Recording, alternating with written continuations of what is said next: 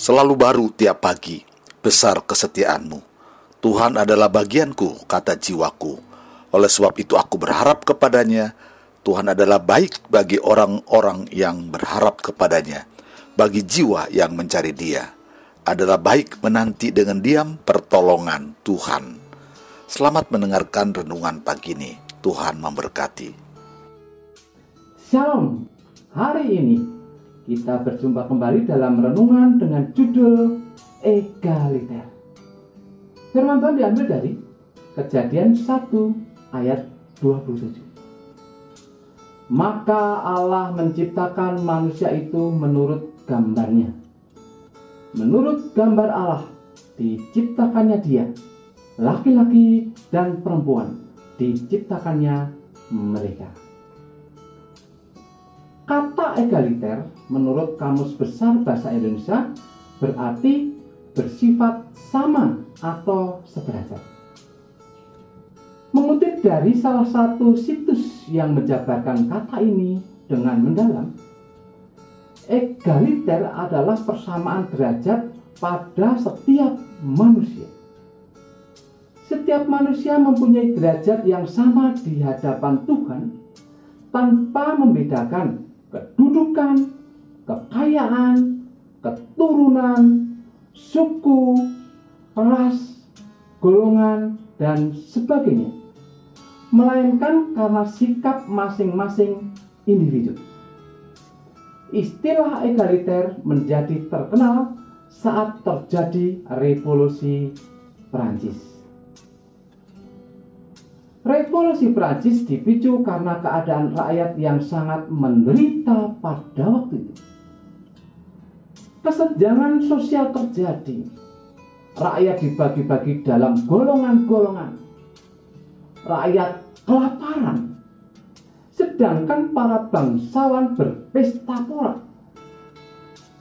Dalam keadaan sulit seperti itu, muncul tokoh pemikir bernama Jean Jacques Rousseau yang mengatakan bahwa menurut kodratnya manusia dilahirkan sama dan merdeka.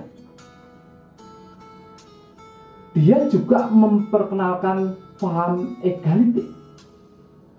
Revolusi ini menghasilkan pernyataan hak-hak manusia dan warga negara tahun 1789 dengan semboyan liberty, egalite, fraternity atau kemerdekaan, persamaan, persaudaraan di mana akhirnya hak asasi manusia dicantumkan pada konstitusi Prancis. Berbicara mengenai kebenaran tentang persamaan manusia, kita dapat temukan dalam beberapa teks Alkitab. Yang pertama, kita temukan secara jelas dalam kisah penciptaan manusia. Maka Allah menciptakan manusia itu menurut gambarnya. Menurut gambar Allah diciptakannya dia, laki-laki dan perempuan diciptakannya mereka. Baik pria maupun wanita sama-sama diciptakan Tuhan. Dan mereka sama-sama segambar dengan dia. Kita setuju bahwa penciptaan di sini adalah penciptaan leluhur semua bangsa di dunia, bukan leluhur agama tertentu. Bagian Alkitab lainnya yang berbicara tentang kesetaraan adalah dalam pencatatan silsilah Tuhan Yesus. Di sana tertulis nama Ruth yang adalah orang Moab. Bukankah ini jelas Tuhan ingin mengajar kita bahwa semua manusia adalah sama? Baik orang Israel maupun orang bukan Israel, kemudian kita juga dapat menemukan ajaran tentang kesetaraan ini ketika membaca kitab Filemon. Kitab ini memberitahu kita tentang Onesimus, budak dari Filemon yang melarikan diri dan akhirnya bertemu dengan Paulus.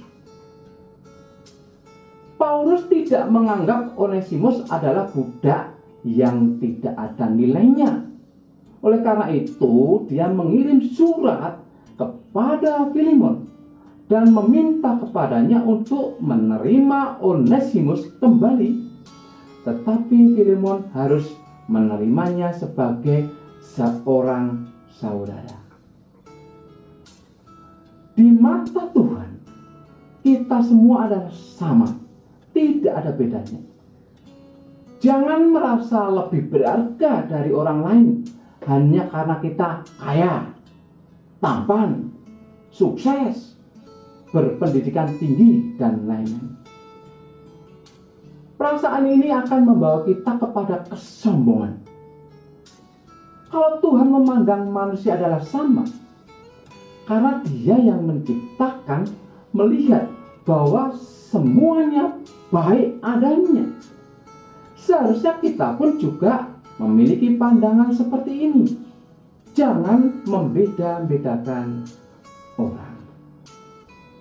Kata-kata bijak hari ini adalah jika Tuhan yang menciptakan manusia memandang ciptaannya adalah sama, mengapa kita memandangnya berbeda?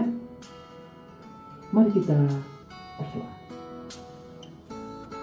Bapak Saudari Ajarku memahami bahwa engkau menciptakan kami sama derajatnya. Bantulah aku agar tidak merasa lebih tinggi dari sesamaku.